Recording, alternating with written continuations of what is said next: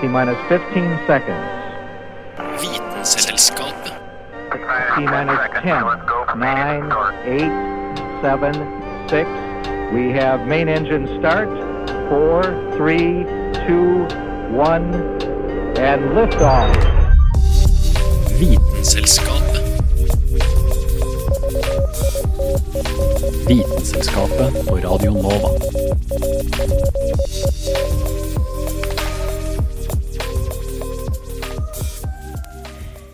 Det er 8. mars, og gratulerer med kvinnedagen til alle der ute som identifiserer seg som kvinner. Eh, I dag så er det jo lov å drømme om en verden uten menn, og vi skal høre om dette her er mulig i det hele tatt. Og i likestillingens navn så skal vi også høre om det er mulig å føde uten kvinner. På min venstre side så har jeg en eh, kvinne som heter Anna Vik Rødseth. Hallo! Og eh, på min høyre side så har jeg token male eh, Karl Adam Skvam. Takk for at jeg får være her. Det er alle nådings. Det er nemlig en litt eh, matriarkalsk sending i dag, med meg, Kristin Grydland, bak radiospakene. Og da tenker jeg vi bare ønsker velkommen til Vitenselskapet.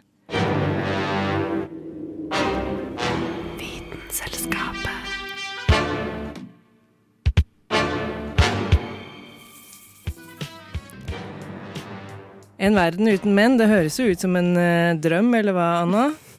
Ja, det kanskje, for noen. Um, men man har jo alltid lært, eller det er jo fortsatt sånn, at uh, du må ha en mann og du må ha en kvinne for å lage et barn. Det vet jo de fleste. Men så har jo, eller etter hvert så har jo teknologien utviklet seg sånn at man ikke trenger en fullblodsmann, man trenger bare sædcellene deres. Så kan man ta sædcellene deres og føre det inn i en livmor, og så blir man gravid. Eh, og det har jo gjort at mange enslige kvinner og lesbiske par har kunnet fått barn sammen. Og det er jo flott.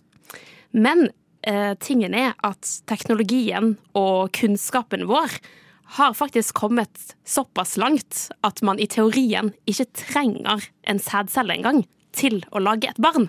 Ok, men hva er det man trenger da? Eh, For det man kan gjøre i teorien, er å ta en annen celle i eh, kroppen din, f.eks. en hudcelle. Så kan man da reprogrammere denne hudcellen tilbake til en stamcelle. Og stamceller kan jo da bli alle, ta, alle slags type celler vi har i kroppen, også da en kjønnscelle.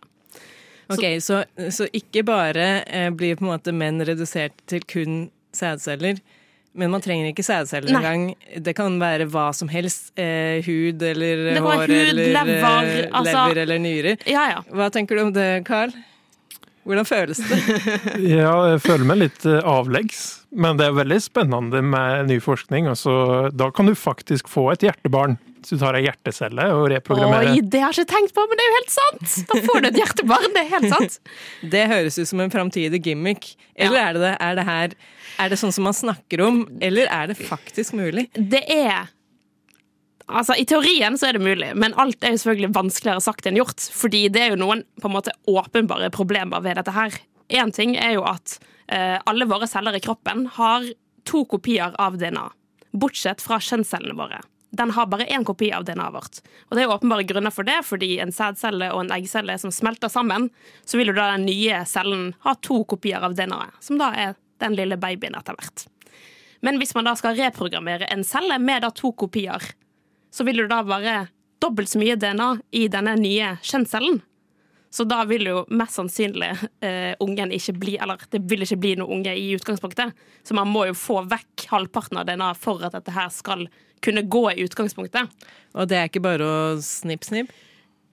Det kan hende at man bare kan snipp-snipp, men eh, det er nok vanskeligere sagt enn gjort. Og for å få i hvert fall et levedyktig barn. Men eh, hvis da en eh, kvinne får en, et barn uten eh, en mann, har det noe å si for eh, hva de får, hva som kommer ut? Ja, det er jo Altså, det som er bra med denne teknologien, det er jo det at et lesbisk par, for eksempel, kan jo faktisk få et Der begge to er genetisk sett mødre til dette barnet. Men igjen så vet vi jo at eh, kvinner er genetisk sett XX-kromosomer, mens menn genetisk sett er XY. Og det betyr jo at da hvis et eh, par, lesbisk par skal få barn sammen ved denne metoden, så kan man da ta en celle av kvinne nummer én, reprogrammere det til en sædcelle, og da vil jo den sædcellen inneholde X-kromosomet, siden det er bare det kvinner har. Og siden eggcellen i den andre kvinnen som skal bære barnet frem, også bare har X-kromosom, så vil jo det bety at alle barn et lesbisk par kan lage, er kvinner. Genetisk sett, da. Så vi får en verden av kvinner for kvinner, med kun kvinner. Helt riktig. Det høres ut som en drøm. Det men jeg vet høres ikke hva du syns, eh, Karl, om dette?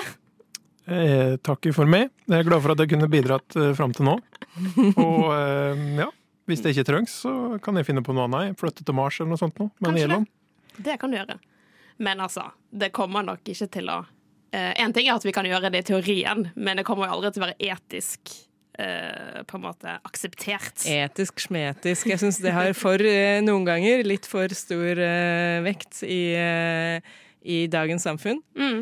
Men jeg må jo også innrømme at det kan jo hende at det ville blitt litt grann kjedelig med kun kvinner, Ja. selv om det er mulig. Det er jo jeg helt enig i. Og um, det finnes jo heterofile kvinner der ute også, så da har det kanskje blitt litt kjedelig uansett å bare ha kvinner rundt seg. Ja, Kan være greit å fortsette litt i samme tralten som vi gjør nå, da. Ja. Eh, så eh, får vi heller se hvordan det blir eh, framover.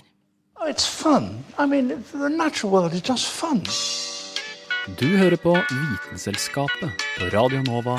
What more do you want?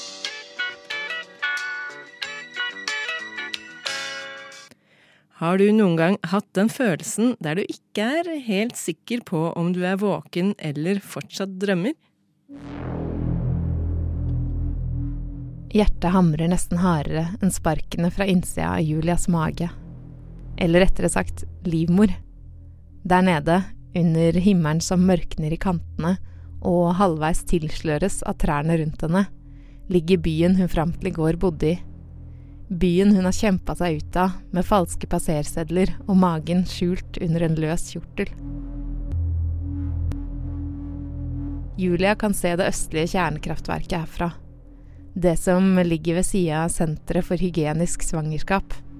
Den tjukke strømledningen som fører elektrisitet fra kraftverket og inn i svangerskapsbygningen, lik en elektrisk navlestreng. Så de 100 000 livmorsekkene kan pumpe næringsstoffer og oksygen til fostrene. Bytte ut fostervannet. Rense ut avfallsstoffene. I et helt lukka system. Rent for både bakterier og forurensning fra mor.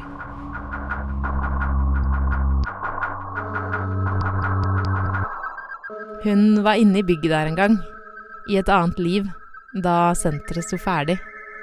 Da hun var ansatt i Propagandadepartementet og skulle lage en sak om at ektogenese, svangerskap utafor kroppen, ikke lenger kun var en teoretisk mulighet. Senteret for hygienisk svangerskap sto ferdig med sine rekker på rekker av kunstige livmorer, klare til å frigjøre landets kvinner fra svangerskapets åk, øke arbeidsstokken i landets fabrikker, omfordele landets nyfødte borgere til rettroende, lojale familier enda tidligere. Eliminere besudlingen av fostrene fra kvinner med urene tanker og motiver, de vantro. Som Julia. Derfor var forskningen på kunstige livmorer blitt akselerert under landets regime. Suksessen forskerne fra barnesykehuset i Philadelphia hadde i 2017 med å gro frem for tidlig fødte lammefostre i poser som etterligna mødresauenes livmorer, ble bygget videre på av landets forskere. Oksygentilførsel i takt med fosterets hjerteslag, rensing av avfallsstoffer ved hjelp av dialyse og utvikling av en semipermeabel membran for å etterligne livmoren ble løst relativt raskt. Forskerne hadde større utfordringer med å gjenskape riktige næringsstoffer for oppløsning i det kunstige fostervannet, hormonstabilitet og å utvikle en kunstig navlestreng. For ikke å snakke om hvordan fosteret på eggstadiet altså befruktede egg uten et hjerte til å drive blod rundt i systemet, kunne vokses fram i en kunstig livmorsekk. Men det hjalp selvfølgelig på utfordringene at regimet i landet åpna for eksperimentering på levende fostre, og hadde mange fostre å avstå. Så nå står bygningen der, med livmorene fulle av hygieniske fostre. Og Julia står her på høyden over byen, med en uplanlagt fri graviditet og en lang reise ut av regimet foran seg.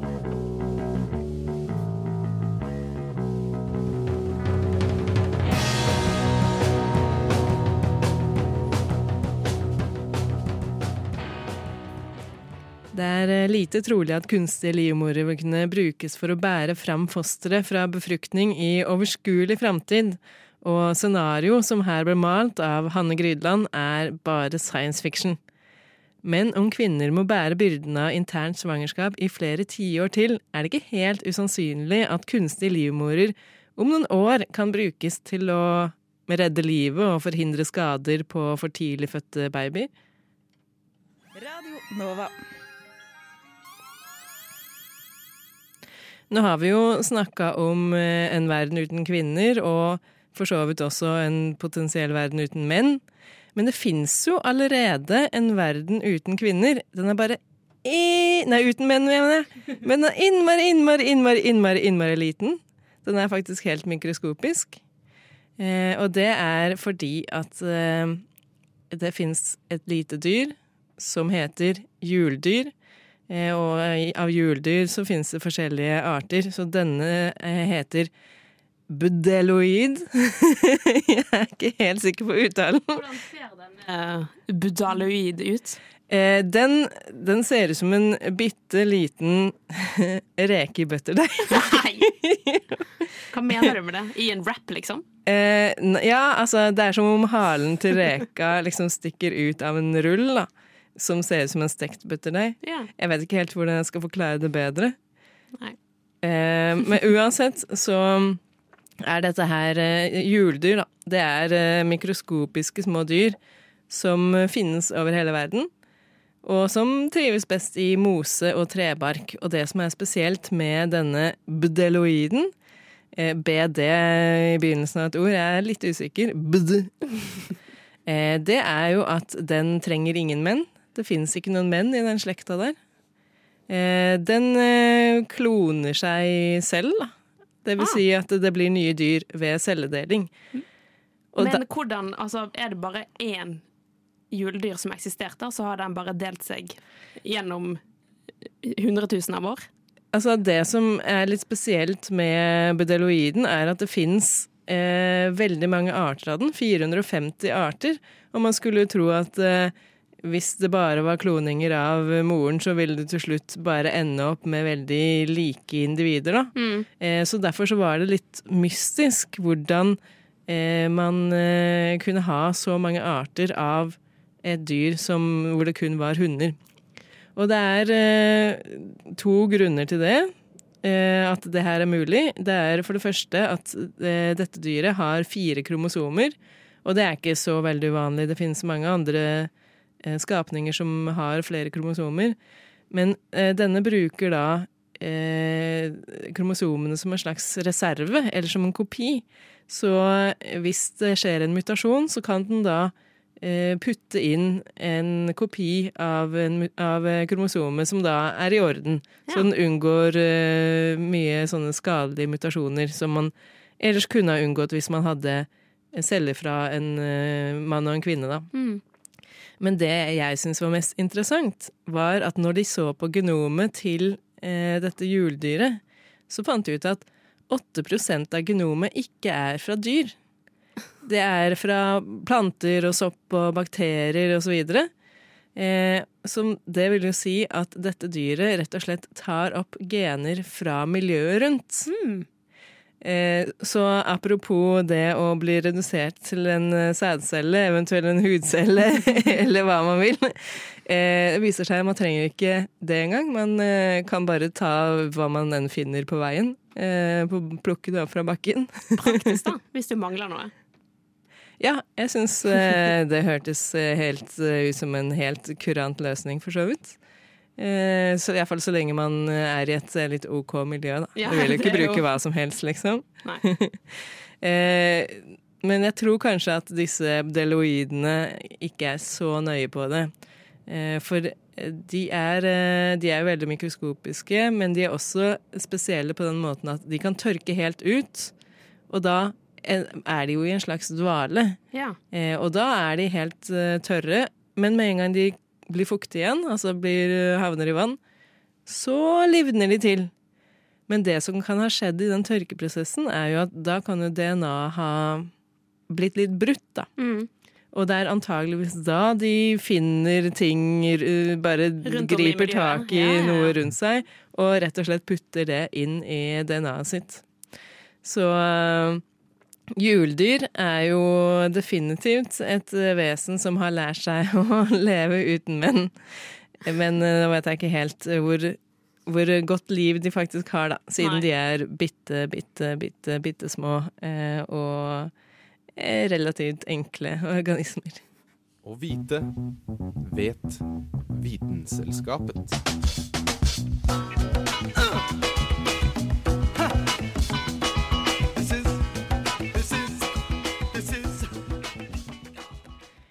Innenfor forskning så er det flust av kvinner som ikke alltid har fått den oppmerksomheten de fortjener, og ofte har det blitt gjemt bak navnene til sine mannlige kollegaer. Men heldigvis er det også mange av dem som har fått ære og oppmerksomhet for arbeidet de har gjort, blant annet Ukas vitenskapskvinne. I'm on a fantastic journey to look for the origins of life. E equals mc squared. I suspect that there are more things in heaven and earth than are dreamed of or can be dreamed An event called the Big Bang. Ukas vitenskapsmann. For oss mennesker og andre avanserte livsformer begynner livet med at et fertilisert egg deler seg og former nye celler, som igjen også deler seg. Til å begynne med kan disse cellene virke identiske, men etter hvert begynner de å endre på seg. Noen av cellene blir til bygningsblokkene til hjernen, noen går med til å lage nyrene, og andre blir til ørene som du bruker til å høre på meg akkurat nå. Du har sikkert lært i naturfagstimene at det er gener som regulerer disse prosessene. At det er genene som avgjør, i korte trekk, om ørefleppene dine er faste eller frie, om tomlene dine er bøyde eller rette, om håret ditt er lyst eller mørkt. I, am very curious and I like to understand things. And uh, not only science, but I also did other things where I just tried to find out what, why things work or how, they, how things work. Uh, nature caught my attention as a small child already. I was grown up uh, in a city, and, but we had a garden, and I loved the garden. And, and then I was often in vacation. I was at a uh, at a farm, and I liked loved these animals and plants and so on. So I was attracted very early on. But then I also did mu- music and I did um, languages and, and, and uh, literature and so on. I, I have broad interests actually, other than science. But this is related to this curiosity. Dette var stemmen til Christiane Nusslein Folgart, en tysk biolog som i 1995 sammen med to kollegaer ble tildelt Nobelprisen i fysiologi eller medisin for deres forskning på hvordan genetikken kontrollerer utviklingen til embryoet, altså det tidlige stadiet til et ufødt foster. Hennes tilnærming til forskningen er kanskje ikke det man først ville gjettet, for selv om hun kan være analytisk og gjennomtenkt, bruker hun først og fremst kreativitet som hjelpemiddel i forskningen sin.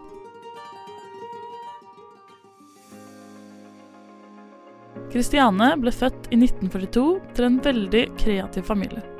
Faren var arkitekt, og begge foreldrene både malte og spilte musikk. Deres kjærlighet for kunsten var ikke vanskelig å overføre til alle de fem ungene deres. Selv om Christiane både malte og spilte fløyte, ble hun så forelsket i hagen de hadde i barndomshjemmet, at hun allerede i en alder av tolv år visste at det var biolog hun ville bli. Det tok henne flere forsøk før hun fant den riktige veien for henne.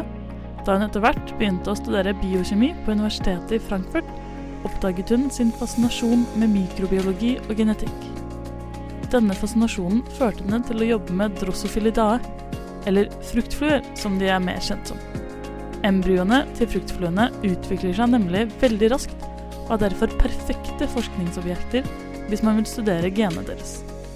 I 1980, sammen med forskningspartneren hennes Erik Wierschaus, klarte Christiane å identifisere 15 gener som ga instrukser til cellene om å begynne å forme en ny flue. Dette funnet hadde også stor betydning for menneskelig reproduksjon, og bidra til at Christiane og kollegaene hennes ble tildelt nobelprisen.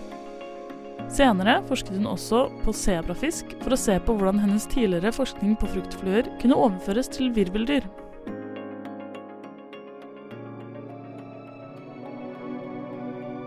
Christiane har også viet mye tid til å fremme kvinner innen akademia. Hun mener kvinnelige forskere med familier har flere utfordringer enn sine mannlige kollegaer, og har satt opp en egen stiftelse for å prøve å rette opp i dette. Yeah, I, this is another thing, which is, I think, um, science. It was this morning. The speeches by the politicians were quite telling. I mean, if children are mobbed because they're good you can see why female scientists, especially who are successful, are not do not have a social a better standing. In, in, on this, on the other hand, I mean, people suspect that they might not be good mothers or they might not be good people or so. So it's not attractive socially from the society. It's not really attractive to be a successful sci female scientist.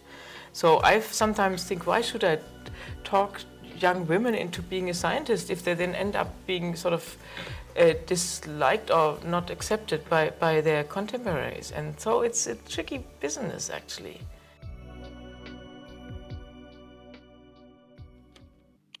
Og denne saken var laget av Julianne Li Fjell.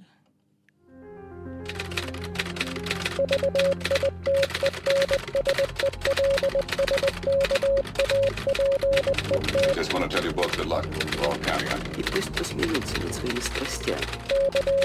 Ведь то, что они называют страстью, на самом деле не душевное. Vitenselskapet А лишь трение между душой и внешним миром. knekker vitenskapens koder. Good job.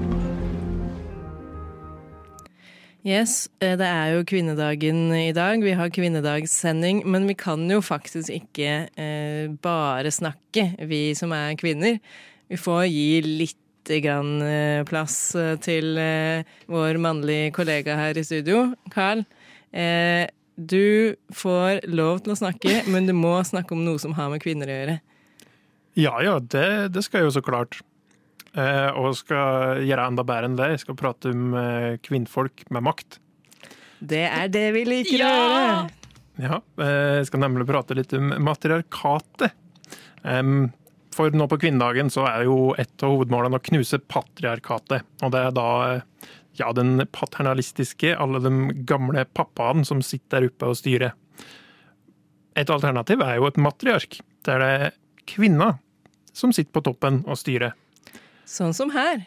Sånn som her.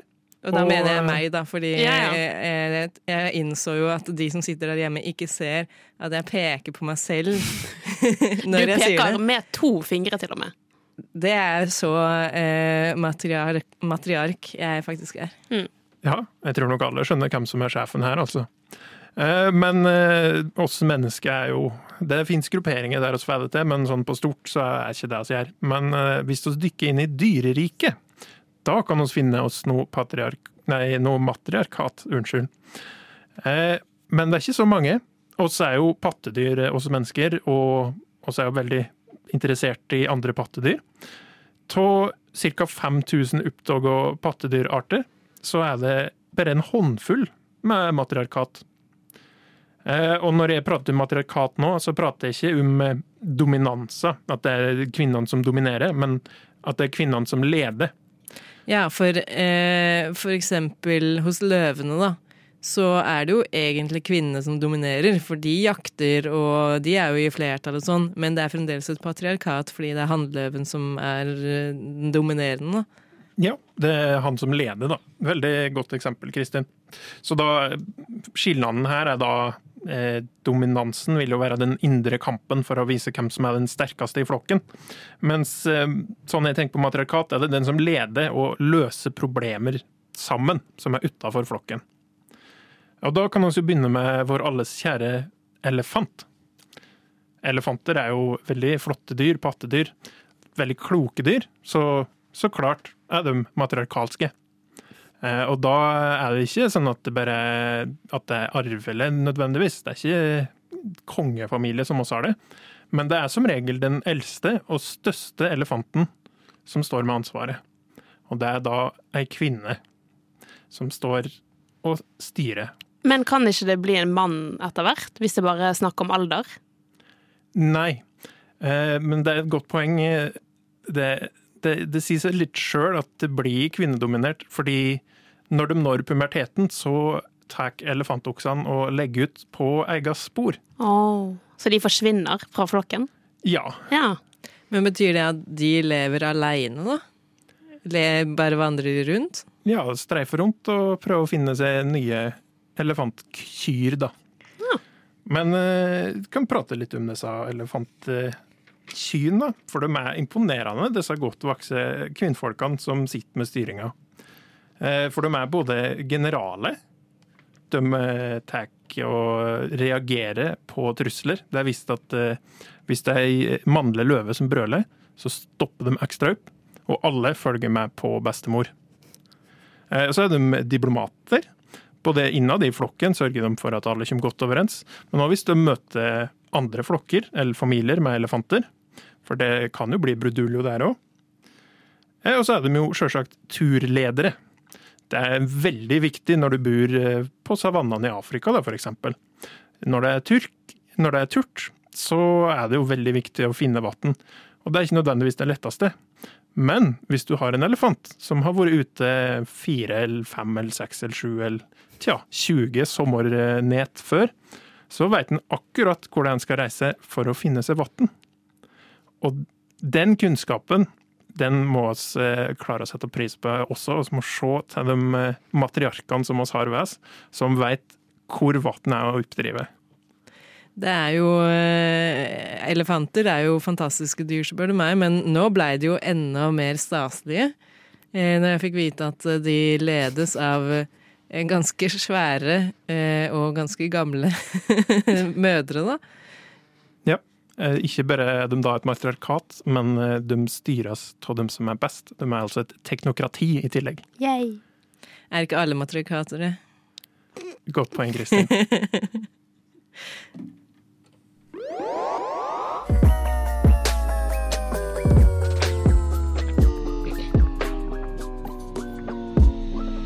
Vitenselskapet.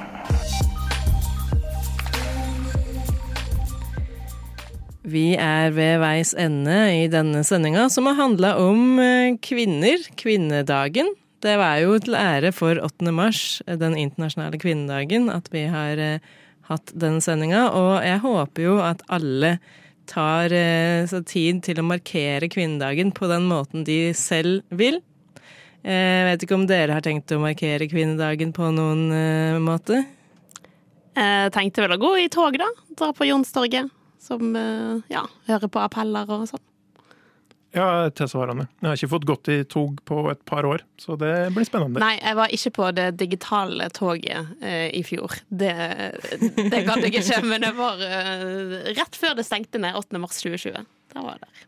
Ja, det var vel den største samlingen av folk eh, før pandemien virkelig slo til her i landet. Ja. Så det var jo en, en verdig avslutning på det normale livet. På livet, ja. Mm. yes. Eh, nå har vi jo hørt tidligere i sendinga i dag at det er mulig å leve for så vidt uten både kvinner og menn. Eh, men at det er en liten stund til. Mm. Så vi får vel for så vidt være glad for at eh, vi har litt av begge deler her. Og så får vi bruke denne dagen til å prøve å bli litt mer likestilt. Ja. Eh, jeg vil bare takke de jeg har hatt med meg i studio i dag. Det har vært Anna Vikke Rødseth og Carl Adams Kvam. Mitt navn er Kristin Grydland, og du har hørt på Vitenselskapet. dere Radio Nova. For der svinger det.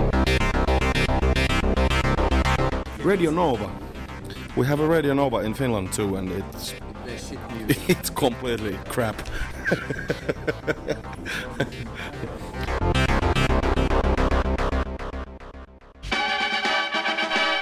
What? Radio Nova.